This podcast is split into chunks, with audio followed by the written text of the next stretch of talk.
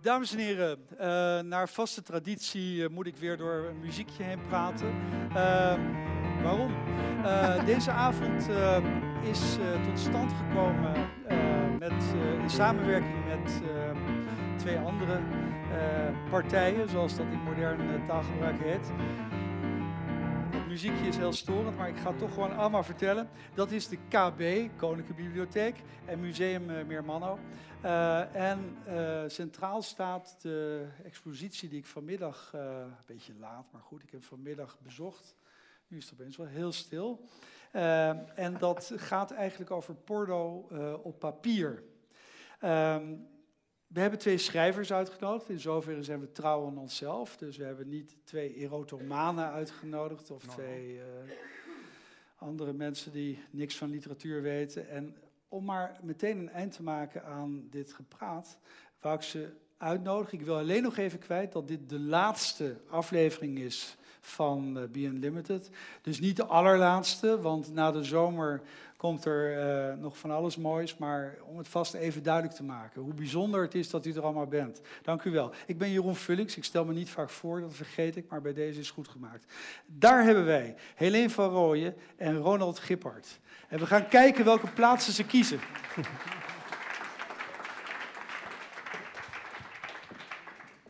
Kijk, kijk.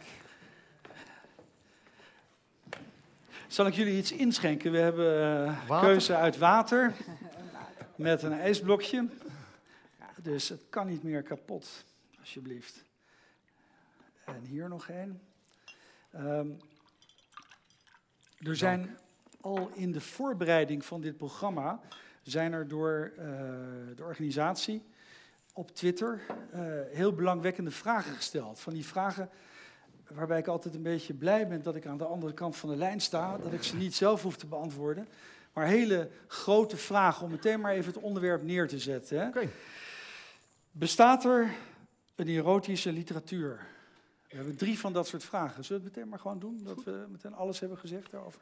Um, Bestaat er zoiets als een erotische literatuur? Ik vind het wel, dat is al meteen een last. Want literatuur is gewoon literatuur. Dat, is ja, precies. zijn verhalen. Ja, en daar kunnen erotische elementen in zitten. Maar of er echt specifiek erotische literatuur is. Ja, natuurlijk is er literatuur waarbij de erotiek een hele grote rol speelt. Misschien wel een hoofdrol. Dat kan. En dan, ja. ja dan bestaat het. Ja, ik vind wel dat er een erotische literatuur bestaat. Voor, zeg ik even voor het gesprek. um, ik weet nog de allereerste keer dat ik naar Den Haag ging met Bert Natter, uh, inmiddels ook romanschrijver, gingen we naar het Letterkundig Museum. En dat, daar was helemaal niemand. Dat was het, een, het zag er anders uit dan nu. Nu is het redelijk professioneel, toen was het redelijk niet professioneel. Toen was jij nog niet in de collectie opgenomen daar? Toen was ik nog niet in de collectie opgenomen, want ik zat nog op de middelbare school. Dus dat zou een beetje, we wilden wel heel erg graag in de collectie opgenomen worden. Daar maakten we ook foto's voor, et cetera. En toen stond daar een meneer, uh, een, een, type literatuurliefhebber, en die stond zo boven een uh, vitrine, heel lang te kijken. We hadden ook boven die vitrine gestaan en we hadden daar een gedicht gezien, was echt fantastisch, van W.C. Kloot van Neukema. Ik weet niet of iemand bekend wie, weet wie dat is. Jij moet dat weten. Duperon. Het was een liedje voor een oude hoer. Ik heb het even opgezocht Even kijken, hier komt hij hoor. Eens even kijken. Liedje voor een oude hoer. Amanda, je haren, je grijzende haren. Uh, je vingers als scharen deren mij geen zier, want slechts in jouw armen kan men zich zo warmen, een hoor in je darmen en geil als een stier. Duperon, en dan nog 18 andere coupletten. En die man die stond daar zo boven. En toen was hij na een minuut of vijf was hij klaar met lezen. En hij richtte zich zo op. En hij loopt zo verder. Nou, dat was het moment dat Bert en ik besloten, volgens mij is het niks voor ons, die, uh, die literatuur. Je moet, er toch, je moet er toch staan en toch moeten lachen en geweldig. En dat heb ik met erotische literatuur altijd gevonden. Dat... Maar dit was toch meer humor? Ja, inderdaad. Ik vind erotische literatuur met name erg humoristische literatuur. Ja. Um, je zou kunnen zeggen dat erotische literatuur, wanneer die werkt, hè, want wat moet erotische literatuur doen? Opwinding veroorzaken. Maar dan is het pornografische literatuur. Ja. Ja. Maar bestaat dat? Is het niet, eerst en niet gewoon porno en literatuur? ja. Literatuur is toch niet bedoeld als porno? Nee, Maar, Gerard, maar, maar, maar, neem Gerard Reven, Lieve Jongens en zo. Eigenlijk komt er geen schuttingwoord voor. Hè? Het is allemaal opwinding, een verhaal dat wordt afgebroken en nog eens wordt hernomen en nog eens en nog eens. En onderwijl ligt die verteller maar in bed met die jongen die het einde van het verhaal nou eindelijk wil weten. En dat is eigenlijk al uh, op een bepaalde manier. Maar daar is erotiek is een, een personage. dat is bedoeld om een verhaal voor te jagen. En uiteindelijk leer je iets over de wereld en over jezelf en alles. Terwijl pornografie, waar het echt bedoeld is om je op te winden, dat je er opgewonden van raakt en zin hebt om het boek weg te leggen en de hand aan jezelf te slaan. Ja. Uh, ja. Dus jullie zijn beiden niet beledigd als ik nu even toch maar vertel dat er geen boek van jullie bij die expositie porno op papier ligt. Wel Stella Bergsma. Wat? Wel Louis Paul Boon. Uh, nog iemand die ik even gemist heb. Maar geen boek van Helene van Rooyen. Geen boek van... Nee, maar dat vind ik niet zo gek. Want ik, heb niet, ik schrijf geen pornografie. Ja. Ik schrijf ook geen erotische boeken. Ik schrijf boeken waarin seks voort, voorkomt. Ja. Maar er komen allerlei dingen in voor. Ja. Maar het is niet bedoeld... Uh, is, het, is het een weloverwogen keuze om seks toe te laten in je boeken? Hè? Dat... Uh... Hella S. Haas heeft ooit van Adriaan van Dis het verwijt gekregen dat er geen seks in haar boeken voorkwam. En bij jou wel. Ja, ja, ja, maar het is gewoon een onderdeel van het leven. Ik weet wel dat een keer de gelukkige huisvrouw, mijn debuutroman, uh, ergens in een of ander lijstje terecht kwam met inderdaad erotische literatuur. En toen was ik wel echt beledigd en verbaasd ook, want er zit daar een gruwelijke bevallingsscène in die uh, eh, 70 pagina's duurt. Ik snap echt niet hoe je dat als erotiek kunt. Uh, ja, je hebt, eh, weet ik inmiddels door deze expositie vanmiddag, heb je zeker in de jaren zeventig had je voor iedere liefhebber wel ongeveer een eigen blaadje. Dus misschien dan dat er mensen zijn die uh, bevallingen. Nou, ik denk niet. Een tangverlossing wordt meestal niet als erotisch um, maar er is wel een hele subtak eh, van pornografie met zwangere vrouwen. Als we even ja. Zeg ik eventjes als fun fact. Uh, dus ja, ja, de, de om de bevalling op te wekken gaat ze met haar man Harry naar porno kijken. Dat is inderdaad, dat gebeurt wel. En dan uh, breken de vliezen inderdaad. Maar, maar tegelijkertijd, allemaal... Helene, als we al een soort uh, voorschot mogen nemen op wat het nieuws van deze week gaat worden. jij komt nu met een nieuw boek. En het heet Seksdagboek. Volgens mij zelfs met een X, hè? Seks. Seks ja, de titel is met een X, maar in het boek is het met KS. Eh. Ja, zoals het hoort. Zoals maar het hoort. aan de andere kant, ja. In... Ja, het staat gewoon mooier met een X op een cover. Ja? Ja. Maar wat heeft je ertoe gebracht om uh, het seksboek, uh, seksdagboek te schrijven? Um, nou, het, dat is nog, voor zover ik weet, nog nooit gedaan. Er zijn natuurlijk wel boeken waarin uh, sekslevens worden beschreven, maar dan zijn het meestal ja, of van nymphomanen of van escort girls of van mannen die heel veel seks hebben gehad of heel veel Tinder dates op een rij, dat soort dingen. Maar een, ja, een redelijk gemiddeld seksleven van een man en een vrouw die al, al vier, vijf jaar bij elkaar zijn, dat wordt eigenlijk nooit beschreven. En dat wilde ik een keer doen. Plus ik wilde al, al mijn gedachten en theorieën over de vrouwelijke seksualiteit kwijt in een boek. Mhm. En dat paste daar heel mooi in. Ben je tevreden? Ja, ik vind het. Ja, ik ben. Het is wel. Het is geworden zoals ik het graag had willen schrijven. Maar ik ben wel heel erg benieuwd natuurlijk hoe het, hoe het gaat vallen. Heb jij al een klein stukje gelezen misschien? Ik heb een stukje gehoord een keer. Heb een keer wat voorgelezen. Maar even nog een vraag van toen je besloot dat om het te gaan doen. Veranderde dat dan ook het seksleven? Nou, het enige wat... Ik kan me voorstellen dat je weet, nu ga ik erover schrijven, dus... Nee, het is niet dat we allerlei... Uh, nee, je bedoelt dat je ingewikkelde dingen, gaat doen nee, dat, voor dat, dat Nou ja, dat hou je ook niet een jaar lang vol. Je gaat niet, het is een jaar. Het is niet een week of een maand, het is echt een jaar. Uh, zelfs ruim een jaar. Um, nee, we zijn niet andere, alleen op het, helemaal op het einde, maar jullie moeten het echt gelezen. Helemaal op het einde doen we er wel iets bijzonders, wat vonden we gewoon leuk. Wat dan? Dat ga ik niet zeggen. Ah, ja. maar nee, het, het, enige wat veranderde was dat je wel echt meer, toch ergens in je achterhoofd weet van, oh, ik moet het allemaal wel onthouden, ik moet het allemaal wel onthouden. En dat is echt moeilijk, want je, je vergeet echt heel snel. Ja, maar je kan ook niet tijdens de daad zeggen, wacht, wacht, hou dit vast. Ho, ho, ik schrijf het op. Nee, nou, het was wel echt na afloop dat ik op een gegeven moment wel gewoon mijn telefoon ging pakken en snel wat notities, wat mijn vriend niet zo romantisch vond, maar dat was ja, het is ook heel leerzaam, hè? want je leert over de Palm Power Yenga Stimulator WAND en de Via Cream Ultimate for Man en zo. Dus uh, je hebt ook behoorlijk wat, als ik het maar onder techniek mag rangschikken, heb je erin gebracht op een bepaalde manier. Nou, techniek, het is gewoon echt heel feitelijk. Het is meer een, een logboek. Het is ook niet een. Ehm, ja, die, ik heb het echt allemaal gelogd. Dus ook de inhoud van mijn nachtkastje heb op een gegeven moment... oké, voor we beginnen laat ik jullie gewoon vertellen wat er allemaal in mijn nachtkastje ligt. En dat is wel handig om te weten. Als je er dan naar refereert, dan weet je, oh, dat is dat ding of dat is dat. En ehm, ja, dus ik, ik wil het vrij... Ja, het term is een beetje gek, maar ik wil het wel allemaal droog vertellen. Gewoon, en ik heb ook niet allemaal omslachtige woorden gebruikt van uh, genotsknopje of uh, zijn zwaard, alle, wat Reven eigenlijk deed, die allemaal van dat soort woorden. En helemaal bonen, met al die synoniemen voor hetzelfde. Ja, dat heb ik juist allemaal niet. Het is vrij... Wat vond hij ervan, jouw, jouw gemaal? Hij, hij vond het uh, in het begin een, een, idioot idee. En ik zei, ja, maar het bestaat nog niet en het moet geschreven worden. En hij zei, ja, er is een goede reden dat het nog niet bestaat, want het is een belachelijk idee. um, maar nou ja, ik heb hem gelukkig wel... Komt het uit dezelfde bron je hebt op een gegeven moment in het Letterkunde Museum ook foto's gehad waarin je je tampons liet uh, zien. Eén tampon. Eén tampon. Laat je een, oh. jouw vaste tampon liet zien. Is dat, komt het uit dezelfde? Want toen was je eh. motivatie dat je je een beetje ergerde aan schrijvers die altijd maar zich nou ja, een beetje poseren. En, en die, Ja, nou, toen was eigenlijk motivatie, omdat ik heel veel van die foto's had gemaakt, vond ik het wel mooi om er een soort om de thema's erin te zien en om daar een expositie van te maken. En uh, in dit geval was het echt omdat het gewoon nergens staat. En ik weet dat het mijn seksleven is, maar wat mij betreft is het gewoon een seksleven wat je kan lezen. Je leest een seksleven. Dat is toevallig je, mijn seksleven. Zou je is, misschien ja, een fragment willen lezen? Uh, Want je bent, binnenkort, je bent binnenkort bij Jinek en daar ga je het niet doen. Dus deze mensen hebben eigenlijk, omdat ze beloofd hebben, niets verder vertellen. Die ja, ik kan krijgen dus, de primeur. Um, ik kan wel de inleiding lezen um, die, we toen, die ik toen ook had gelezen. Die is heel goed. Laten we dat maar doen. Want dat stukje over die vibrator moeten jullie gewoon maar in het boek lezen.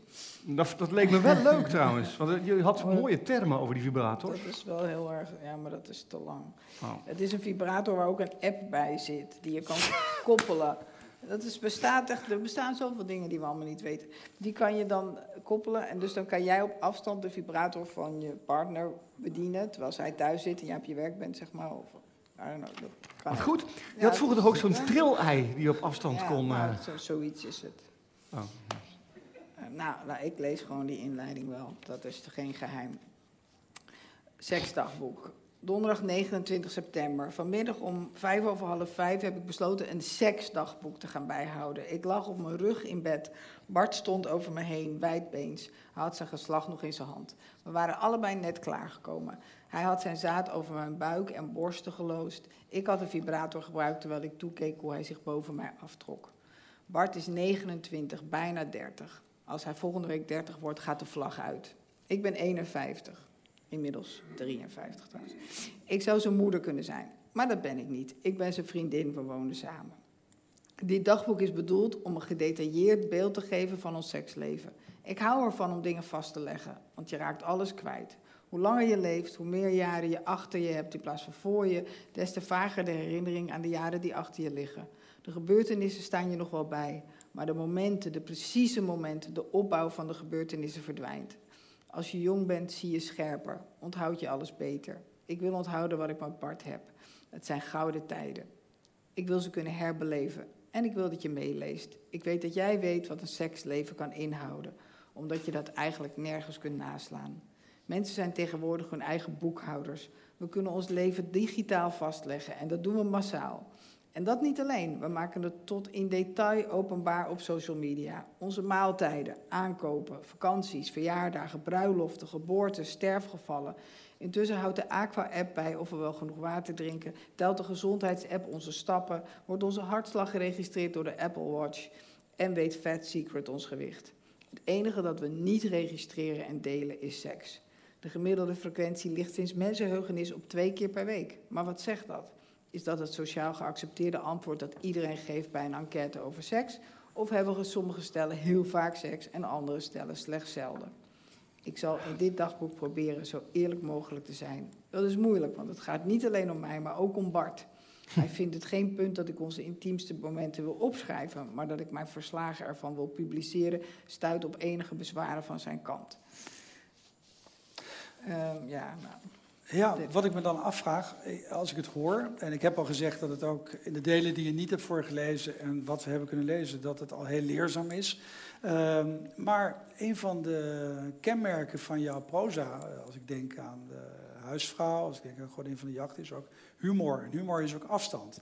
Kan je afstand gebruiken bij een seksdagboek? Ja, zeker wel. Want al dat met die vibrator is, is echt geestig. Vooral als je op hol slaat, als die app vastloopt. Dus zit er een vibrator in mij die de cha-cha-cha doet. en die niet meer stopt. Dat is best geestig. En ehm, ja, sowieso. Er zitten ook korte erotische verhalen in die niets met een dagboek te maken hebben. Mhm. Dat is meer ter afwisseling, omdat je niet de hele tijd... Uh, uh, ja, die dagboeken, dat gaat een beetje... Je moet, er moet een beetje variatie in mhm. zitten. En... Um, er zit wel, het, is, het is wel, want wordt bij romans heel vaak gevraagd van heb je een boodschap met je werk? En dat vind ik altijd zo'n lastige vraag, heb je een mm. boodschap? Maar met dit boek heb ik wel echt een boodschap. Ik hoop wel echt dat, nou en dan toch met name vrouwen er iets aan hebben. Dat je gewoon eens over je seksleven gaat nadenken. Want ze zeggen altijd maar YOLO, hè, you only live once. Maar je hebt ook maar één seksleven, je hele leven. En het is best goed om dat eens af en toe te evalueren en te denken van, vind ik het eigenlijk nog wel leuk? Heb ik, vind ik vind ik het prettig. Praat ik er überhaupt nog over? Ja, met anderen niet, maar praat je er nog wel over met je partner? Dat zijn best wel belangrijke dingen. En ik, ik ben al, ik ben best vrij, maar ook ik vind het soms moeilijk om dingen aan te kaarten. Hmm. Dus dan zullen andere mensen die nog minder vrij zijn er vast nog veel meer moeite mee hebben. Dus ik vind het echt fijn als ja, vrouwen die seks, en ook mannen die het belangrijk vinden, nou, dat, om ze dat te geven en te, Mhm. Ja, en, en heb je het geschreven als een momentopname? In die zin dat er bijvoorbeeld, eh, stel dat we hier over vijf jaar bij een tweede aflevering van Porno Papier mhm. zitten, dat je denkt, nou ja, toen was ik toch wel erg daarmee bezig, maar het is nu wel helemaal veranderd. Of nou, is het toch hier weer iets van eeuwigheidswaarde, dat je denkt, nou, dit is nu wel even mijn seksleven voor de komende twintig jaar? Ik, nee, dat weet je natuurlijk nooit. Ik heb, nou ja, dat is, die tamponfoto had precies die functie. Want ik trok toen letterlijk een bebloede tampon eruit. En ik wist, er komt een dag dat dat niet meer kan. En die dag is al lang aangebroken. Dat staat ook in het seksdagboek. Want dat, ik ben natuurlijk nu al... Ik ben 53, dus eh, ik hoef helemaal geen tampons meer te kopen. En dat is precies waar het om gaat. Want alles wat op een gegeven moment heel groot en belangrijk is... wordt op een gegeven moment heel klein en onbelangrijk. Dat is heel gek. Je leven gaat natuurlijk... Het is allemaal dus het is ook om iets, een periode vast te leggen en vast te houden. Mhm. en, maar nee, ik weet zeker dat over vijf jaar alles weer helemaal anders is. Ja. ja, ik was een beetje aan het staren, omdat ik me realiseer dat uh, Ronald en ik tezelfde tijd in de letteren kwamen. En toen was hij uh, uh, heel goed gunstig ogende ehm, literaire belofte die heel veel naar scholen ging en daar waren ze helemaal weg van hem. En jouw eerste boeken die werden ook wel heel veel door kinderen gelezen die jou ook als een soort instructieleverancier ehm, uh, toch een beetje benaderde als het ging om ja, erotiek op een bepaalde manier. En dat is waarschijnlijk, neem ik aan, toch een beetje veranderd, want nu kun je hun vader zijn op een bepaalde manier. Zeker. Ja. En ik, ik, de tijd is ook wel een beetje veranderd, vind ik. Uh, Toen ik uh, debuteerde, toen was seks in literatuur, nou, dat was behoorlijk geproblematiseerd. Uh, je hebt nog een recensie uit in Trouw gekregen, waar jouw hele eerste roman tot neuken, neuken en nog eens neuken werd samengevat. Ja, wat ik echt een de denigerende recensie van Tom van Deel vond. Want er werd ook in getongzoend en was, het was... Er gebeurde veel meer in dat boek. Maar het, uh, wat ik probeerde was, kijk, als je jong bent, uh, dan is seks een geweldige speeltuin. Dat is, uh, dan, je ontdekt iets dat je door dit te doen. Ik, ik heb veel over masturbatie geschreven. Nou, dan kwam ik op middelbare scholen. En um, dan was altijd de vraag op een gegeven moment: waarom schrijft u zoveel over seks? Een legitieme vraag is. Nou, dat, die vraag ga ik beantwoorden door eventjes in, in deze aula met 300 leerlingen uh, te vragen wie van jullie heeft er wel eens gemasturbeerd. Ja, daar steekt niemand zijn vinger op. Niemand steekt zijn vinger op. Er ook werd er gelachen. Nou, masturbatie, volstrekt normale bezigheid. Van de jongens vindt 90% dat als ze dit doen, dat het heel aangenaam is. Meisjes, 25% vindt dat dit een leuke beweging is. 25% uh, eh, wordt erop gewezen door bladen als de Yes en de Fancy. En 25% wordt, 25% wordt geholpen door de moeder. Of niet geholpen door de moeder, maar op gewezen door, door de moeder. Volstrekt normale bezigheid, hoef je niet voor te schamen. Jullie zijn volwassen mensen in spe bij elkaar. Ik wil dat nu iedereen even eerlijk antwoord geeft op de vraag: wie heeft wel eens gemasturbeerd? En leraren moeten ook antwoord geven. Nou, dan was er wederom met de geginnikt en grappig. Niemand die zijn vinger opstak. En oké, ik heb nu mijn punt gemaakt waarom ik over seks schrijf. Als er nou één onderwerp is waar we ons raar over gedragen, of waar we ons anders over gedragen, of we niet zeggen wat, wat we vinden, dan is het seksualiteit. En als schrijver ben je ervoor ook om mensen een, een spiegel. Wie van u is er wel eens vreemd gegaan? Vraag ik even hier, in deze zaal. Wie is wel eens vreemd gegaan? Oké, nou, wat is dat? Maar misschien moeten we ook nog even kijken naar deze foto. Ben jij dat? Dat ben jij toch? Dit ben ik echt, ja, ja zeker. Oh, Oké, dit was jij toen. Je hebt een liefde voor ronde brilletjes. Ja. Nee. Maar, maar zitten ze nu nog op die scholen te wachten op jouw verhalen over seks? Nou, minder. Je hebt ook een heel ander oeuvre geschreven. Zeker, ja. zeker. En uh, ik merk ook wel dat er een soort verpreutsing aan het, uh, aan plaatsvinden is. Met name vanuit uh, de Randstad wordt ingezet. Dat uh, onderwerpen moeilijker vallen. En ik merk het aan mijn eigen kinderen. Ik heb drie kinderen. Uh, mijn zoon, mijn oudste zoon vertelde op een gegeven moment dat hij na het uh, sporten, dat ze dan gingen douchen en dat ze met z'n allen hun, hun zwembroek aandeden. Dus gingen ze met hun zwembroek aan onder de douche staan. Want ze willen niet naar elkaar spiegeltjes kijken. Ja, dat is, daar word ik een beetje moedeloos van. Kijk, ik, ik stam, wij stammen van een generatie van ouders die de seksuele revolutie hebben uh, veroorzaakt. Dus uh, vrijheid, blijheid. Uh, iedereen lid van de NVSH. Wie van u was een lid van de NVSH? Misschien kan ik dat dan. Oké, dat valt nog een beetje tegen. Dat was de grootste vereniging van. Van dat was de, de enige grootste vereniging. De grootste vereniging was de ANWB. Dat is nog steeds, volgens dat is nog mij. Steeds.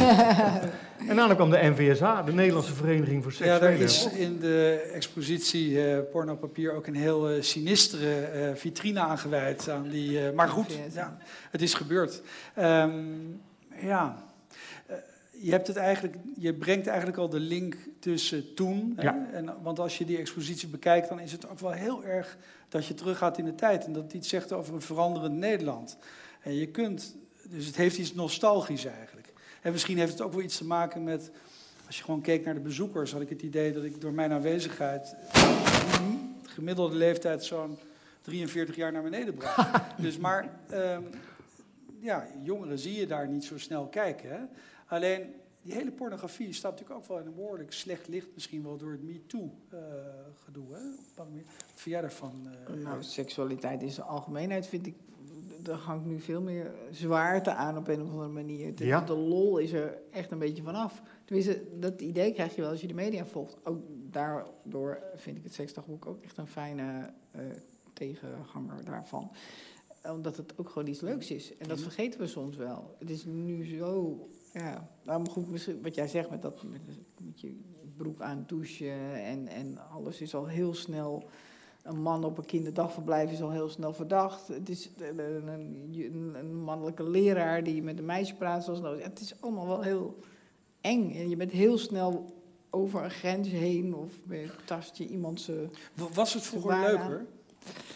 Nou, het is wel leuker geweest, maar misschien is het wel goed dat het nu wat minder leuk is. Ik ga nu proberen een gedachte te verwoorden. Dat, kijk, in de jaren 50 uh, was Nederland een heel erg bekrompen land. Er was een soort uh, elitaire bovenlaag die zich met, met spannende seksualiteit uh, bezighield. Toen kwam de, de seksuele bevrijding, seksuele revolutie. Mijn ouders thuis waren bevriend met een kunstenaar die dan de borsten van zijn vriendin in plexiglas had gegoten. Dus die hingen bij ons aan de muur. Dus als dan die vrouw een keer langzaam op feestjes, dan wist ik met mijn pubergemoed van dat zijn dus haar borsten. Die enorme openheid heeft er ook voor gezorgd dat seks wel beetje ontsext werd. Op het moment dat NVSH in Den Haag uh, bijeenkomsten ging organiseren waar iedereen uh, in kringgesprek over uh, groepseks en vreemdgaan en zelfs kinderporno kon praten. Ja, ja, ja, ja, Dat heeft wel de Pedofilie, dat was ja. ook echt een tijdje gewoon een soort van hip. Ik kan me echt herinneren dat mijn zus zei op een gegeven moment van ja, ja, als ik later kinderen heb, ja, ik wil toch dan een pedofiel voor ze hebben, want dat is gewoon goed. En dan was die wel een beetje gek, dat moet ik toegeven. Maar dat was toen wel de sfeer van, ja, natuurlijk, dat moet allemaal kunnen. Dat was best wel apart. Nou, we hebben ook nog een paar beelden, Leno, van, uit die expositie. Ja. De glunderende gluurder. Ja, ja, dus. ja, dus op een gegeven moment heeft men, het, heeft men bedacht dat het leuk is om kinderstrips, ja, daar zijn jullie weer. Ja. Om kinderstrips... Het werkt desexualiserend. Dat zeker. Ja. Het is dus geen wisk op de achtergrond. Ja, de Tante Sidonia zien we dan in uh, Jartels. En iemand slaat het om. Dat is wel heel erg eng. Silly wandelpeen. Is dit leuk? Ik vind dit nog steeds wel leuk, ja hoor. Het is wel geestig, ja. Het, het, het, het gaat tegen het decorum in. Het is een beetje een meme, wat nu de memes zijn eigenlijk. Ja. Wat je nu allemaal op Twitter ziet, allemaal grappig. Maar dit was echt iets uit de jaren tachtig, hè? Dat toen die strips er kwamen, Asterix is er aan ten prooi gevallen, Suske en Wiske. Uh, verder kom ik even, niet zoveel. uh, maar die waren al erg genoeg. En uh, ja, en zo heb je ook nog een afdeling die ik toch wel op een bepaald moment licht schokkend vond. Nazi-pulp. Ja! Maar, we krijgen daar een beeld van te zien. Was dat ook erotisch? Kijk, zelfs Schanulke moet eraan geloven. Het is wel die pop. Ja, blitsmedel. Maar er, zijn ook, er zijn ook nog wel ergere afbeeldingen. Dat, ja. Het, het is wel, weer dat, handje. dat zou nu niet meer kunnen. Je, eh, toen toen Jan Kramer op een gegeven moment, eh, misschien dat ik een verkeerde schrijver zeg, maar Jan Kramer had uh, een publiciteitscampagne, misschien dat Arno het beter weet, waarin op een gegeven moment een meisje zat met een zwart slipje aan en op haar kruis een wit hakenkruis stond. Dat was, dat was Kramer toch? En daar kwam hij mee weg. Dat was. Ja, dat zou dat als, nu, als ik mij nu als promotiemateriaal laat fotograferen terwijl er een vrouw naast me zit met, uh, naakt met alleen een zwart uh, slipje aan met een hakenkruis, kan ik een andere baan gaan zoeken. Denk. Nou, al is ze helemaal aangekleed, dan kan je al een andere baan gaan zoeken. Dat, hakenkruis sowieso. Dat is al genoeg, ja, dat is al genoeg. Maar dit, dit werd gefroten natuurlijk, hè? Ja. Onder de toonbank. Dus dat had dan iets van een taboe doorbreken op een bepaalde manier. En dat was waarschijnlijk ook dat hakenkruis bij Kremer. Is dat voorbij? Hoeft dat niet meer in de literatuur? Taboes doorbreken? Nee, ik vind dat taboes moet altijd doorbroken kunnen worden door schrijvers. Er moeten altijd schrijvers die uh, de zaken op scherp Welk taboe wil jij doorbreken? Nou, ja, kijk, ik heb, ik heb, vind ik mijn steentje wel bijgedragen aan het, aan het doorbreken maar, van... Maar je gaat toch door? Nou, wat ik nu wel als taboe zo weer als, als tegenhanger van wat jij uh, net zei over uh, uh, dat de gemiddelde dat mensen het twee keer per week doen. Wat een taboe is. Seks vind ik niet meer zo'n taboe. In mijn kring is seks niet meer zo'n taboe. Geen seks. Dat is, dat is een taboe. Wie van u heeft er nog wel eens seks? Ga je dat nou weer doen? Dit is al de derde keer dat het arme publiek uh, dit Oké. Ja, maar wij kunnen hier met z'n Maar, maar dat kan ook in een nazitten ja, bij seks, de, het se geen seks is, dat is dus hetzelfde taboe als seks. Geen seks of wel seks. Het is allebei natuurlijk een taboe. Het is niet, en, en bovendien, ik denk dat taboes überhaupt, je kunt ze breken tot je in ons weegt, maar ze blijven altijd bestaan. Dat is ook fijn. Heb jij het idee dat je iets veranderd hebt op het gebied van taboes met je werk? Uh, ik denk wel dat nou ja, ja de, nou, het is denk ik meer dat je in een stroom zit die aan het beginnen is of die al opkomt. Ik zou niet zeggen dat ik het single-handed zeg maar, zou hebben gedaan, maar zoals met de gelukkige huishouden, de, de, de roze wolk, uh, zij belandt bepaald niet op een roze wolk. En de gruwelijke bevalling die daarin beschreven is, ik denk wel dat dat voor heel veel vrouwen een, uh, een, een grote opluchting is geweest. En misschien wel een ontwikkeling naar meer pijnbestrijding bij bevallingen. En het is, was dat wel, wel iets wat nog nooit gezegd was. En zo'n bevalling was ook nog nooit beschreven. Dus ja, maar als ik dat niet had gedaan, had een half jaar later iemand anders het wel gedaan. Dat is op een gegeven moment ook de tijd die daar uh, naartoe gaat, denk ik. Maar, um, maar ik denk wel ook dat alles wat je doorbreekt gewoon weer blijft bestaan. Want die alles komt ook gewoon steeds weer terug. Dus je doorbreekt het en dan komt het weer terug. Dan is er vrije seks en dan is het weer me too. En dan wat is me het weer... opviel bij die expositie was dat die hele... Uh, pornografische, erotische traditie in de literatuur in Nederland begint in de 17e eeuw. De 17e eeuw staat bekend als de Gouden Eeuw. Mhm. Dus er moet misschien toch wel een soort verband zijn met grote welvaart. Was het niet zo dat in de jaren 60 ook toch al een, uh, dat er meer welvaart kwam? Mm Heeft dat daarmee te maken? De jaren 50 staan niet als zodanig bekend, tenslotte. Dus dan, zou je, naar de... dan zou je nu kunnen denken dat met de aantrekkende economie dat we nog niks gezien hebben, dat het allemaal gaat komen. Ja, nou, laten we het hopen. Als je het even een internationale vergelijking, kijk, de, de, erotische literatuur kwam in de Italiaanse renaissance ook tot grote bloei. Uh, uh, Boccaccio, Decamerone, een boek dat tot in de jaren 50 van de vorige eeuw verboden was in, uh, in Engeland. Uh, dat is een erg erotisch, soms pornografisch, ongelooflijk grappig, uh, vibrerend meesterwerk. En dat, is, dat heeft echt de toon uh, gezet. En dat was in de renaissance waarin natuurlijk ja, de welvaart daar zeer uh, begon te floreren. Ja.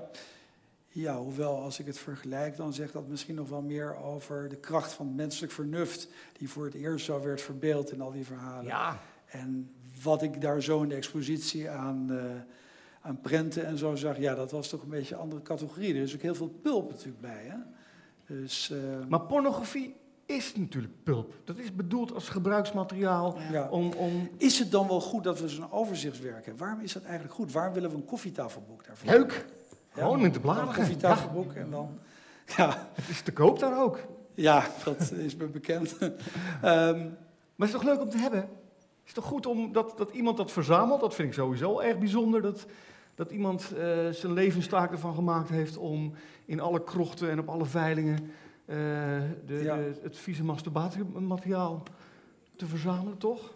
Ik denk het wel. Het is in ieder geval nu een stuk hygiënischer in dat boek. Maar ehm, over dat, uh, dat dat in zo'n boek moet. Is het soms niet de kracht dat die boekjes een soort wegwerpboekjes waren en dat dat leuk is? En dat er toch een hoop verloren gaat wanneer je ze kanoniseert, om maar het woord te gebruiken. Maar als je ze niet zou kanoniseren, dan praat je er überhaupt niet over. Dan hadden we hier nu niet in deze ja, zaal gezeten om... Dus het is een manier om het te conserveren. En Ja. het, alles verdwijnt het. alles verdwijnt. En dan Ja. zijn we weer terug bij eigenlijk wat jij... toch, het, is al, het geeft toch ook echt een tijdsbeeld. Ja, En- En je, wat je zegt, je ziet echt dingen die nu absoluut niet meer zouden kunnen. nee.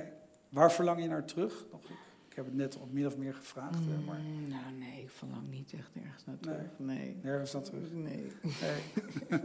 jij? Nou, verlang ik ergens naar terug? Nou ja, nee, ik, eh, ik, ik, ik ben te jong om ergens naar terug te verlangen. Mhm. Ik, ik zou wel erg, ja... Het is moeilijk, hè? En ik moet zeggen, dat nu ik zelf kinderen heb, ik ook een beetje gekanteld ben in... eh, ik weet nog...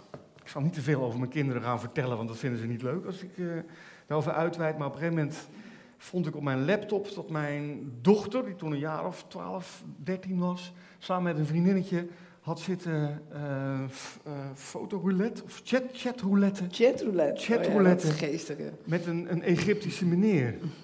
Chatroulette. Weet je wat het is? Nee.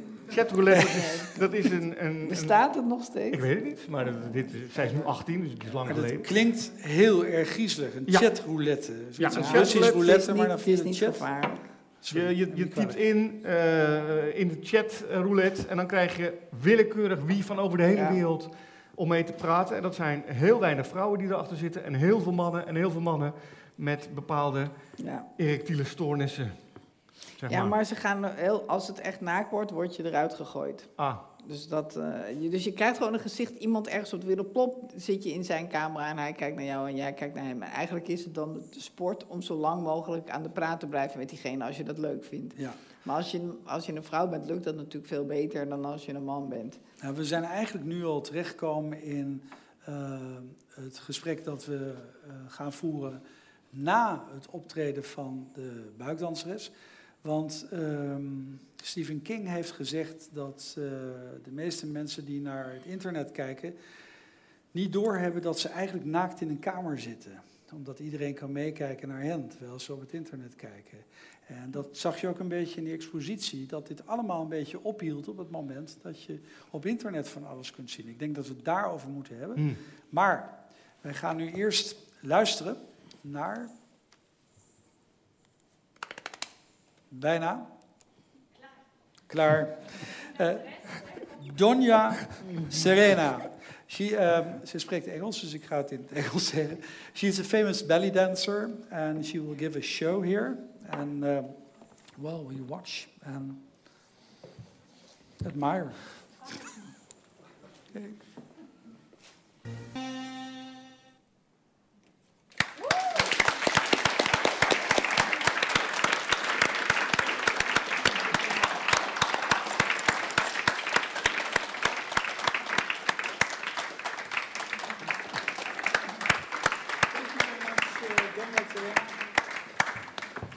going to back.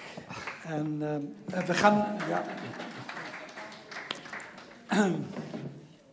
Wat vond je ervan? Ja, het, mooi wel, maar ook wel iets. Hield je hart niet vast met die kaarsjes boven het hoofd? Nee, nee, dat had ze vast wel vaker gedaan. Ja. En ik zag jou echt een, een foto zelfs maken. Een filmpje zelfs, Een filmpje. Je zit op het podium en je maakt een filmpje. Dat is ja, nou, een teken van deze tijd. Misschien. Ehm, mijn, mijn vrouw wilde vanavond iets doen, maar die kon niet mee, uh, omdat ze voor onze, oudste zoon, voor onze jongste zoon moest thuisblijven. Dus ik zei, ja, je mag wel mee naar Den Haag toe. Alleen het is een avond over uh, uh, literatuur en erotiek. Toen zei hij, nou, dat lijkt me heel erg saai.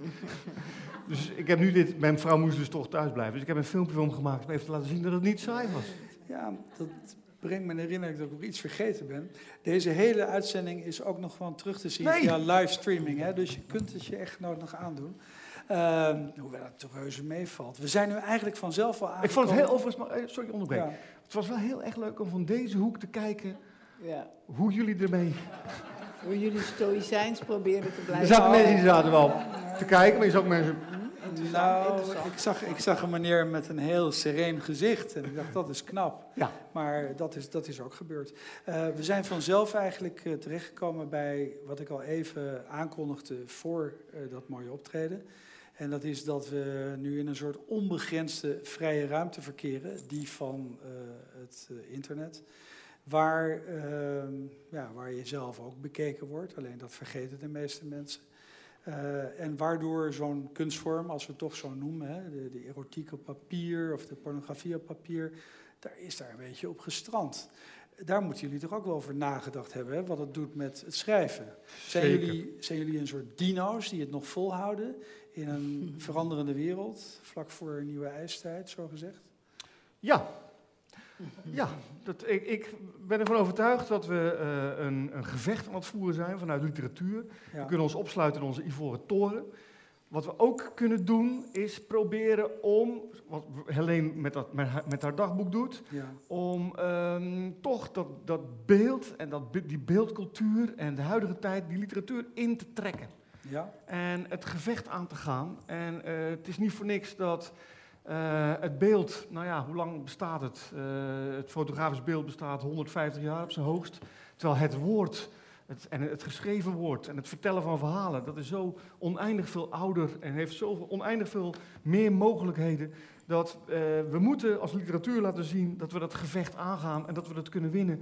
Als we en wat zeg je dan tegen die echtparen die zeggen, en er zijn er veel van, ik ken er veel van, die zeggen dan, ja, weet je, vroeger lazen we nog wel met allebei een nachtlampje eh, lazen we een boek. Maar tegenwoordig kijken we op onze eigen tablet kijken we naar een aflevering via Netflix. Ja. Dat, dat zul je toch ook wel horen? Ja, ik zou hypocriet zijn als ik daar tegen zou ageren, want dat vind ik ook erg leuk. Dat doe je waarschijnlijk zelf ook. Dat doe ik zelf ook. Ja, maar die verhalen moeten ook bedacht en geschreven worden. Dat is dan de troost. Ja. Want uh, daar zitten ook schrijvers achter. Alleen het is niet met geschreven woord. Maar de verhalen, de creativiteit, dat blijft natuurlijk. Beïnvloedt het jou, ook bijvoorbeeld in je schrijven? Als je kijkt naar zulke dingen, haal je er dingen vandaan?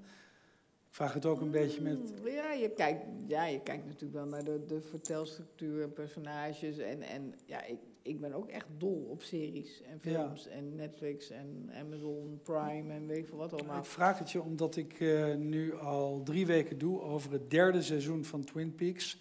En Twin Peaks, toen het uitkwam, in de jaren negentig, keek ik er religieus mhm. naar. Had ik het opgenomen op een videorecorder. Er zat er naar mijn idee nog meer plot in. En nu merk ik dat je die manier van vertellen heel erg bent kwijtgeraakt. Het is allemaal heel erg plot-driven geworden. Het gaat om actie, het gaat om cliffhangers en zo.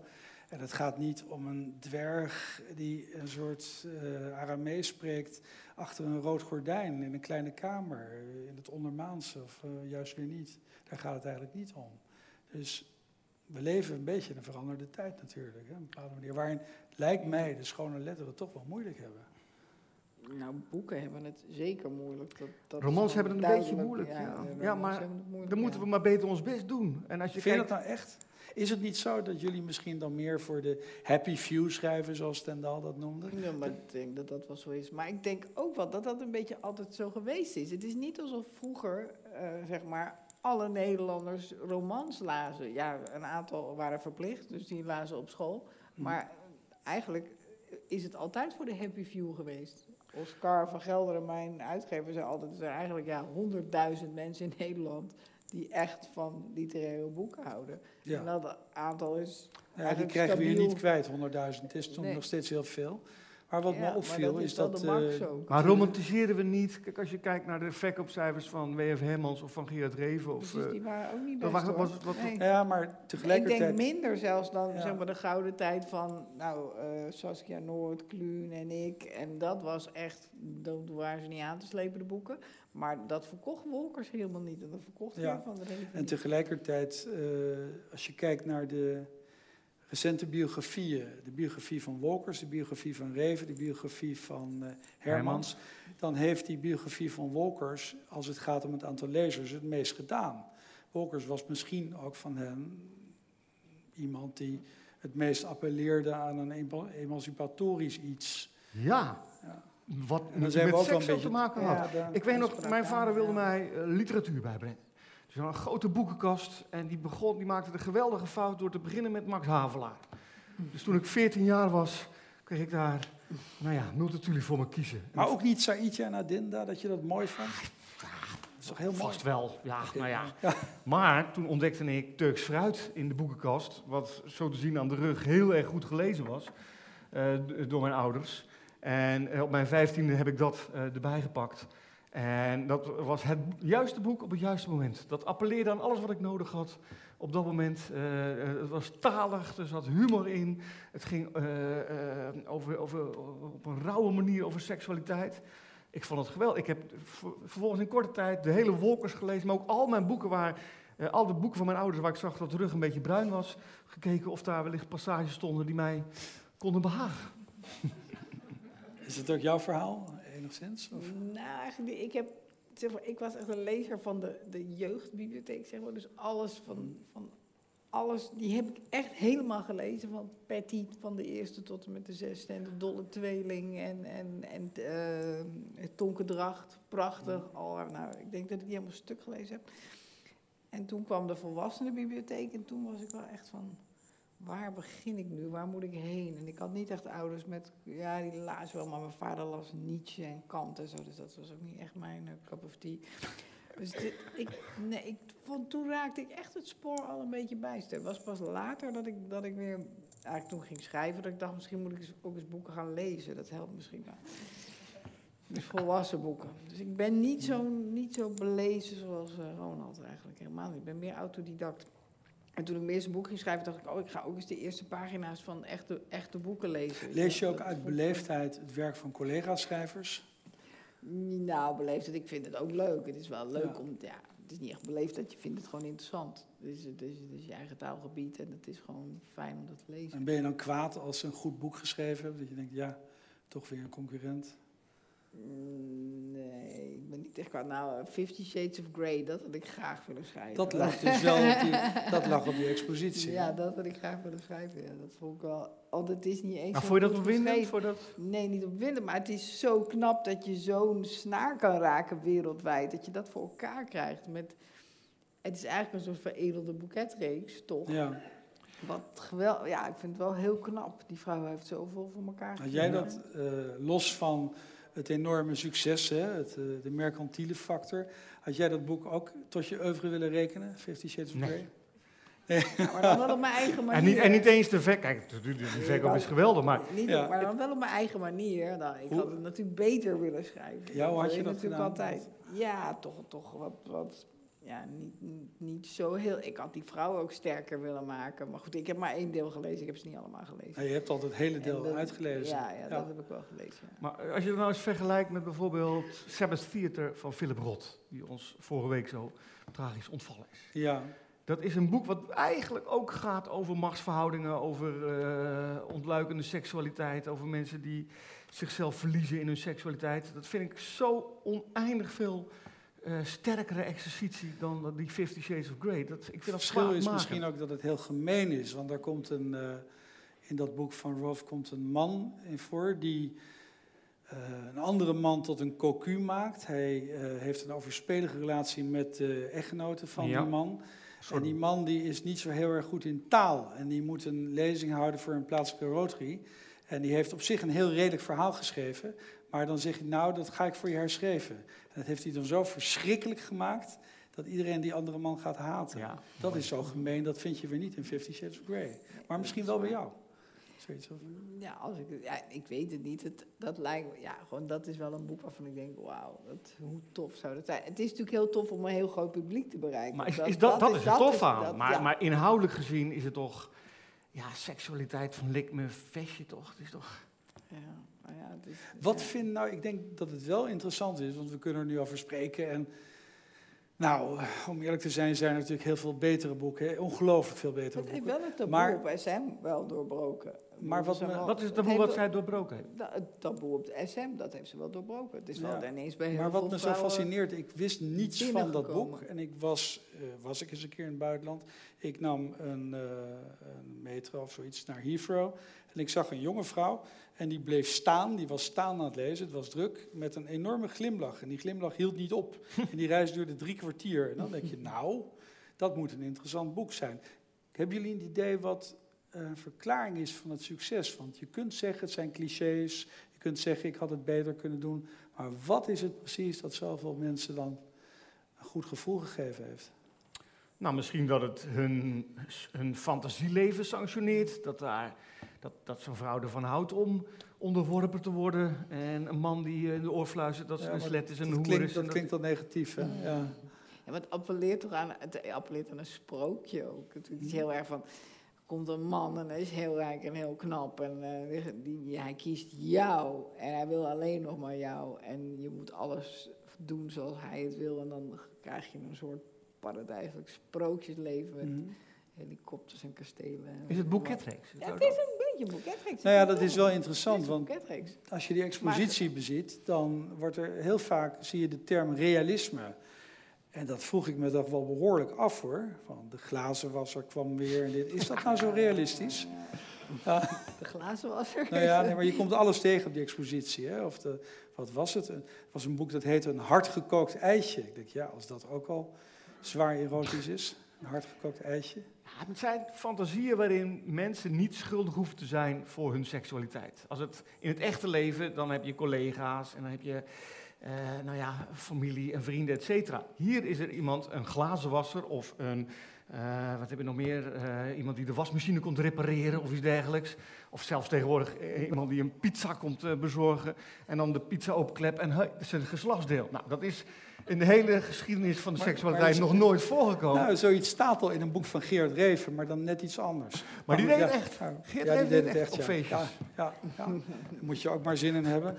Maar goed, er is natuurlijk wel een verschil tussen zo'n verhaal van Reven en Seks in Smurfeland. Ja. ja.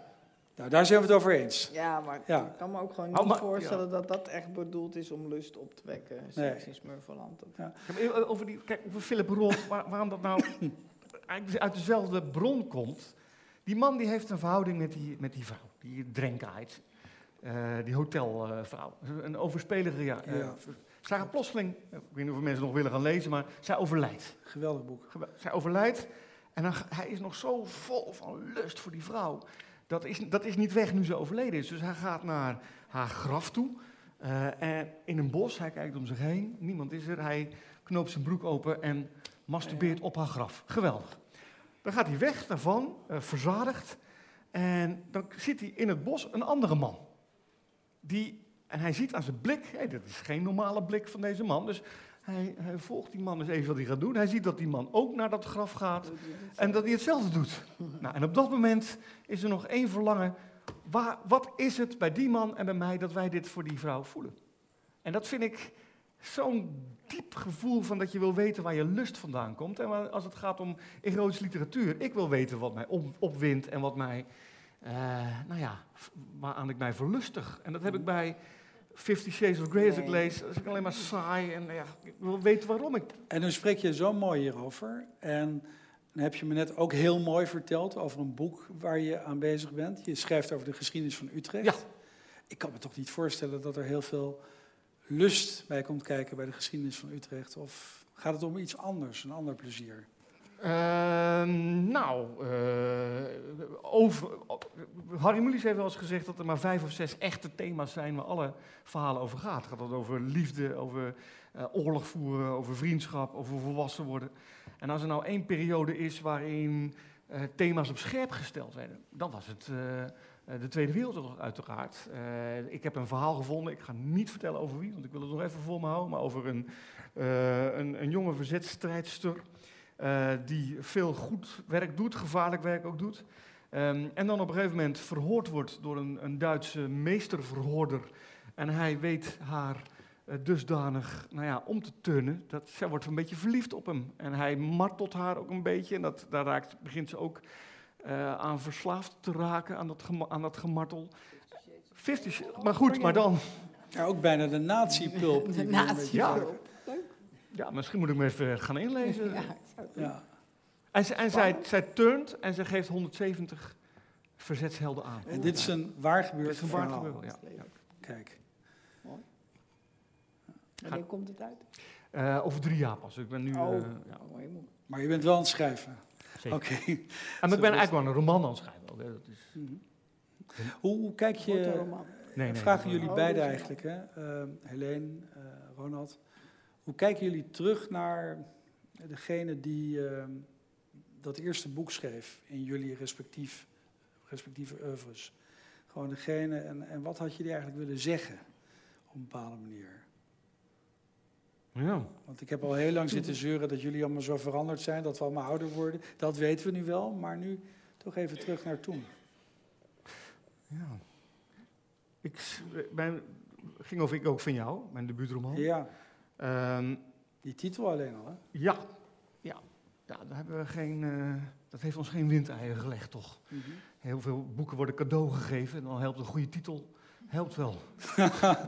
ja. Ja, nee, uh, uh, Beursemans heeft wel eens bedacht: uh, de beste romantitel zou zijn. Hartelijk gefeliciteerd met je verjaardag. Woorden schieten tekort. Ja, ja, ja. Maar goed, uh, dit was ik ook. En dat, dat ging eigenlijk over een, een meisje dat uh, nogal vond dat ze lelijk was. Dat, die vond dat ze haar een lelijk lichaam had. Uh, wat ze op zichzelf afreageerde door met een messnee zichzelf te maken. En uh, op een gegeven moment ook een zelfmoordpoging deed. Um, en dat was iets wat ik in mijn eigen leven uh, autobiografisch had meegemaakt. En daar wilde ik een roman over schrijven. Alleen toen ik daarmee bezig was, was alles alweer voorbij. En zij woonde inmiddels in, in Israël. Ik heb haar toen een, een brief geschreven voor haar verjaardag. En daar ook grappen in gemaakt. En toen zei Bert Natter, mijn, mijn huisgenoot, die zei: Waarom schrijf je het boek niet in, in die stijl? En wat ik ook spannend vind, is als je wel over seksualiteit durft te schrijven. Want dat was. Ik, ik had een keer een interview gelezen met uh, Duska Meising. Die zei: Zodra het over seks gaat, stop ik, want dan wordt het te persoonlijk en dan vind ik het eng worden. En op dat moment dacht ik, ja, volgens mij moet het juist andersom zijn. Ik werkte toen in, in een ziekenhuis als nachtportier, uh, achter een laptop, een hele oude AT. En als ik dan zat, zat te tikken en dan kwam een verpleegster s'nachts bij me zitten.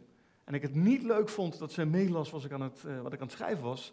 Dat waren betere scènes dan als ik er geen enkel probleem mee had Ja, ja. wat ze kon lezen. En toen dacht ik, ja, ik moest al toch over die grens heen moeten door over seks te gaan schrijven op een manier dat ik het zelf vervelend en ongemakkelijk vind. Mhm. En dat is, dat is het begin geworden. En wat had je tegen je jongere ik gezegd? Had je die nog iets kunnen... Op dit moment? Ja, va- vanaf deze zetel Nou, ik toen. zou nu zeggen van, joh, let eens ietsje meer op je stijl. Ik vind als ik het nu herlees, vind ik het wel echt een boek van iemand van 24. Is dat Het erg? gaat van, nee, nee, dat, is- dat Ja. hoort bij dat boek. Eh, Maarten het Hart heeft een keer gezegd, eigenlijk schrijft iedere debutant een slecht boek. Daar kunnen we wel van uitgaan. Behalve Helene van Rooyen, zei hij erbij. Ja. Nou, Helene? Ik debuteer ook laat. Dus ik was geen 24, dus dat. Nee. Ik was al in de 30. Maar ja, is het daardoor makkelijker of moeilijker om wat tegen je jongeren zelf te zeggen? Ja, ik, vind- ik zou tegen mezelf, ja, het is altijd lastig natuurlijk. Ik zou tegen mezelf zeggen wel van, wees gerust, er komt nog meer. Want ik dacht echt dat ik maar één boek zou schrijven, überhaupt. Ik dacht ook helemaal niet dat ik schrijver zou worden. Mhm. Ik wilde gewoon een boek schrijven. En mijn uitgever zei, uh, heel dapper, alleen ik geef schrijvers uit, geen boeken. Ja, dat zeggen ze allemaal natuurlijk. Dat vond ik heel geestig. Want als je er eentje gaat schrijven, ga je er meer schrijven. En dat vond ik nog grappiger. dus dat geloofde ik toen helemaal niet. En um, ik zou minder scheldwoorden gebruiken, denk ik. Eh, ik was zo blij, maar ik had voor bladen geschreven, zoals Libelle inderdaad. Libelle en of, uh, Cosmopolitan en Marie Claire. En dat zijn allemaal, weet je wat, die hebben echt bepaalde woorden. Gewoon een bepaald woordgebruik. Uh, je mag daar niet schelden. Weet je, dat moet toch altijd voor de doelgroep zijn. En het boek was echt mijn eerste vrije oefening van... ook oh, ik mag nu gewoon schrijven wat ik wil. Dus ik had echt een Bargoens woordenboek gekocht. Alle scheldwoorden die ik kon. Uh, ja, vond ik heerlijk. Zoveel mogelijk erin gestopt. Dus het was best grof. En dat had best wel wat minder gekund, zeg maar. Dus dat mhm. zou ik wel tegen mezelf zeggen van... Eh, dat was echt niet nodig, hoor. Mhm. Het was leuk voor jou om dat te doen, maar... Veranderde komst van dat boekje? Ehm, ja, toch? Ja, natuurlijk. Ja, nou ja, je, je komt ineens in een hele andere wereld terecht. En, en, en er wordt heel anders naar je gekeken. Je bent niet meer anoniem. En het legt ook wel druk, omdat je het volgende wat je uitbrengt, daar staat dan echt zo je naam op. En dan kijken mensen wel echt met hele grote ogen naar van, oh, waar komt ze nu mee aanzetten? Dus dat, ja, dat legt wel een, een druk. Het is wel... Uh, ja, je leven verandert. Ja, je leven verandert wel, ja. Wij zijn er bevriend door geraakt door jouw boek. Zeker, dat is, dat is, ik las het en ik dacht, eh, wow, wat een boek is dit. Dat, ik had nog nooit zoiets gelezen eigenlijk. En het, het opende ook een wereld. En dat, dat heeft ons wel bij elkaar gebracht. Zeker. Zeker. Mijn hemel, dit is wel heel mooi. Hè? Het heeft jullie bij elkaar gebracht. Maar jij schreef een brief aan Helene. Ik weet niet meer hoe het is gegaan. Hoe zijn we elkaar toen op een gegeven moment elkaar Via Jacques Naus, volgens mij ging dat. Ja. Ik weet het ook niet meer. Maar nou, ja, hij was wel een van de weinigen die zei dat ik een goed boek had geschreven. Wat, dat, ja, dat, daar, maar, dat scheelt ook enorm. Ja. ja, nou ja, het is wel zo. Maar, je moet uh, wel altijd Dat wordt nu wel algemeen erkend over. Nu pas, ja, maar pas veel dat later. Ja. Pas veel later. Oké. hey, maar uh, doe je dat nog vaak? Dat je uh, een boek leest en denkt, dit is het. En dat je contact opneemt met de schrijver? Nou, nee, kijk, we staan in een, in een chain of being. Toen, toen mijn debuut uh, verscheen, kreeg ik een, een, brief van Joost Wageman. En dat, dat deed mij toen ongelooflijk veel. dat vond ik wel heel fijn. Ja, dat is toch een steun in de rug. En ik, ik, kreeg van meerdere meer. Ik heb volgens mij zelfs een kattenbelletje van Geert de Meising gehad. Wat, wat echt hemelhoogjuichend. Dat was fantastisch. Uh, en nu vind ik, als ik een boek lees uh, van een jonge schrijver, of niet jong, maar van iemand die net gedebuteerd heeft, eventjes eh, als het een prestatie is die. Er zijn namelijk nogal wat. Ik weet niet of je de mensen soort kent, er zijn nog wat recensenten. die, je moet daar tegen kunnen als schrijver. Jij zit toch nog steeds te wachten op de recensie van de Volkskrant van je eerste boek. Ja, klopt, nooit gerecenseerd, ja, Ik las, dat was de enige kant die ik las, de Volkskrant. Dat is mijn debuut, ik ook van jou verscheen. nou, dat is dan de eerste vrijdag dat het verschenen is. Staat de recensie kant? Nee, staat er niet in. De tweede vrijdag? Nee, de derde vrijdag. Elke iedere dag, iedere vrijdag. Uh, dus, dus, dus maar het, ergste, het ergste wat kan gebeuren is denk ik niet zozeer een negatieve recensie, maar is dat je boek genegeerd wordt. Hè? En zeker in deze tijd waar er zoveel verschijnt. Ja, nou neem je het als Stella Bersma. Die ik een, wat ik een authentieke stem Haar boek ligt uh, ook bij de expositie. Ja. Dat is een stijlexercitie die vind ik ongekend. Die heeft het, het Nederlandse taal heeft die verrijkt. Dat vind ik mooi. Nou, dat vind ik vind ik zelf ook aangenaam als je er iets gelezen hebt wat je, waar je plezier uit geput hebt om het even te laten weten. Wat een goed boek heb jij geschreven, joh. Ja. Wat vind je, dat, wat vind je ervan? Nou, uh, je moet eigenlijk nooit vragen beantwoorden hè, als je zelf vragen dient te stellen. Dus dat is het eerste wat ik eigenlijk over kan zeggen. Ik vind het heel nobel van je. Maar um, ja, ik, um, ik vroeg me toen je Stella Bergsma noemde wel af. Dat is duidelijk een bepaalde stijl. Ja. Uh, uh, een soort vrouwelijke Bukowski. Het is heel erg schelden op papier. Het is cabreus. Rauw. Dat ik me toen wel afvroeg, ik vond het ook een goed boek hoor, maar ik me afvroeg van, ja, wat voor vervolgboek zit erin? En dat kwam doordat wij eigenlijk over een heel oeuvre nu zitten praten van jullie beiden. En uh, dus, uh, dus op die manier kun je kijken. Er is natuurlijk heel vaak gezegd van, we geven geen schrijver, we geven geen boek uit, maar een schrijver. En de vraag is in hoeverre dat nog wel geldt. De vraag is eigenlijk of jullie door het feit dat je eerder begonnen bent niet groot geluk gehad hebt. Dat kan ook nog, hè? Ja, maar dat hebben we dan, zoals voetballers zeggen, wel zelf afgedwongen. Ja, ja. Jullie belangstelling is ook uitgewaaid naar andere terreinen. Hè? Jij bent, uh, je, je, noemt nu voetbal, maar je bent ook als kok uh, en met culinaire belangstelling te zien geweest. Uh, Helene, je bent eigenlijk gewoon een BN'er, zoals ze dat noemen, toch? Of zie je dat zelf niet zo? nou, dat is niet mijn beroep. Mijn beroep is wel dingen maken. Ik heb een film gemaakt en, en meegewerkt inderdaad aan tv-series, maar dat doe jij ook. Uh, jij bent hoofdredacteur. gezien ben je wat uitgebreid. Dus jij bent hoofdredacteur van Rails geweest. Je hebt volgens mij een tv-productiemaatschappij geweest. Is dat het beeld van, daar wil ik eigenlijk mee besluiten de avond dan, is dat het beeld van een schrijver in deze eeuw? Dat je toch gewoon op veel meer terreinen actief bent? Of is het noodgedwongen een beetje?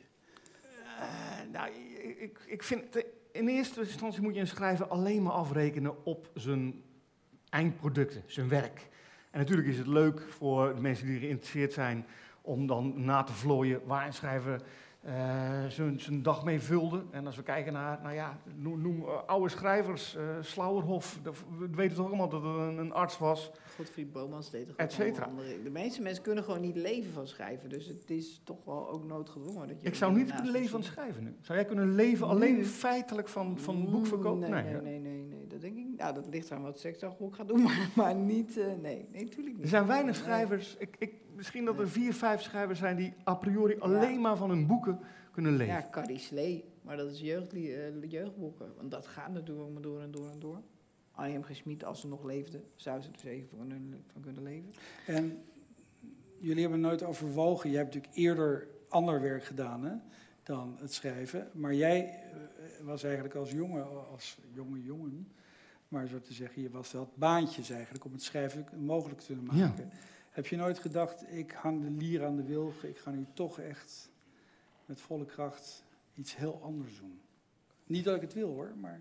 Nou, daar heb ik het vaak met uh, Martin Bril over gehad, die natuurlijk leefde van zijn, zijn Volkskrant-column. Stel dat je de staatsloterij zou winnen. Zou je nog columns schrijven? Zou, zou ik nog romans schrijven als ik uh, vandaag is de, de trekking overigens. Oh. Uh, Wie weet. Maar het houdt me helemaal niet bezig hoor. nee, maar zou ik nog een roman schrijven? Ik denk dat ik wel een roman zou schrijven nog, zeker. Ik weet niet of ik, ik weet echt niet of ik nog een roman ga schrijven. Ik weet het gewoon niet. Ik weet niet of er nog eentje in zit. Maar zou je, nog, zou je nog naar Den Haag komen om over porno en literatuur te praten? Ja, maar dat, ja, dat, tuurlijk, ja, dat vind ik wel leuk. Dat zou ik sowieso blijven doen. Tuurlijk, tuurlijk. Zou ik ja, maar je moet toch ook wel echt, ja, dat is een zwaar woord, maar je moet wel een soort innerlijke noodzaak hebben.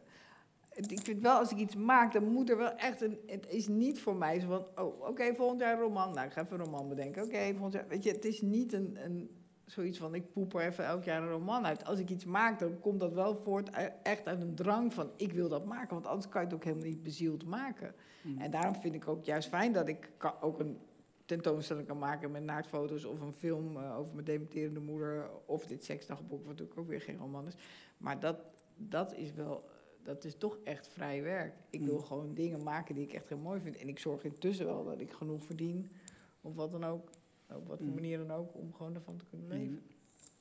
Zou je het je, laatste vraag, zou het je kinderen aanraden? Gewoon, volg mijn weg, word schrijver? Nou, Nee, nou, ook maar niet afraden. Niet afraden, niet aanraden. Ik bedoel, je moet het toch echt doen waar je, waar je, waar je passie werk doen wat je heel erg leuk vindt. Is natuurlijk wel, dat is sowieso wat je je kinderen aanraadt. Doe iets waar je passie ligt en waar je plezier in hebt en wat je nog een tijdje hoopt te doen. Mhm. Mijn, mijn opa was schrijver. Mijn vader wilde graag schrijver worden. Werd gefnuikt door de omstandigheden. Uh, in de zin van dat zijn oudste broer en zijn vader overleed en hij moest kost, kostwinnaar zijn. Dus hij kon niet schrijven, want dat leverde te, uh, te, weinig op. Mijn vader heeft altijd op mij geprojecteerd. Ik zou zo graag willen dat jij schrijver ging worden. Uh, ik heb op mijn dertiende een typediploma gekregen. hij heeft, is bezig geweest met literaire vorming. En ik heb wel in mijn puberteit bedacht, als er iets is in mijn leven wat ik niet ga worden, dan is het schrijver. Hm. En ik heb vind mijn kinderen, mijn oudste zoon eh, die wil politicoloog worden. Nou, hartstikke goed. Ik heb mijn jong, nu mijn, mijn dochter wil toneelspeelster, ook, ook prima. Mijn jongste zoon... Die, ook geen droog brood. In ook geen droog brood, dus dat, dat wordt ook gewoon... Uh, ja. gaat ook bij een ziekenhuis werken, denk ik. Um, maar mijn jongste zoon die wil nu filmmaker wil die worden. En die wil series gaan maken. Dus die zit misschien wat beter op de tijd dan, uh, dan zijn oude heer. Een serie naar een roman van je. Dank jullie wel. Graag gedaan. Dit was het. Ik ga nog één ding vertellen. Voor, uh, ik dacht, er ging buikdans. Uh, nou, ik denk niet dat je dat mensen moet aandoen. Maar uh, we krijgen nog een avond van uh, BN Limited. Ik doe het even uit mijn hoofd. Ah, daar zijn ze al. Abdelkader Benali, Karin Abad Moekrim en Simone van Saarloos. Simone van Saarloos heeft een boek geschreven over het Wildersproces. Daar is ze zelf naartoe gegaan. En ze heeft ook haar eigen gevoelens daar uitgebreid geregistreerd. Uh, zodanig zelfs dat ze op een gegeven moment bemerkte dat ze Wilders wel heel erg leuk gevonden. Dat ze een beetje verliefd op hem werd. Nou, daar gaat deze avond over. Dus ik zou zeggen, als je tijd hebt, moet je er even naartoe gaan. 7 juni. Ik dank jullie nogmaals zeer. Uh, het was mooi. En ik wou even jullie er nog op wijzen dat uh, achterin uh, boeken zijn te krijgen. Nog niet het seksdagboek van Helene van Rooyen, want dat verschijnt pas komende week. Maar andere titels kun je niet laten ontgaan. Merci.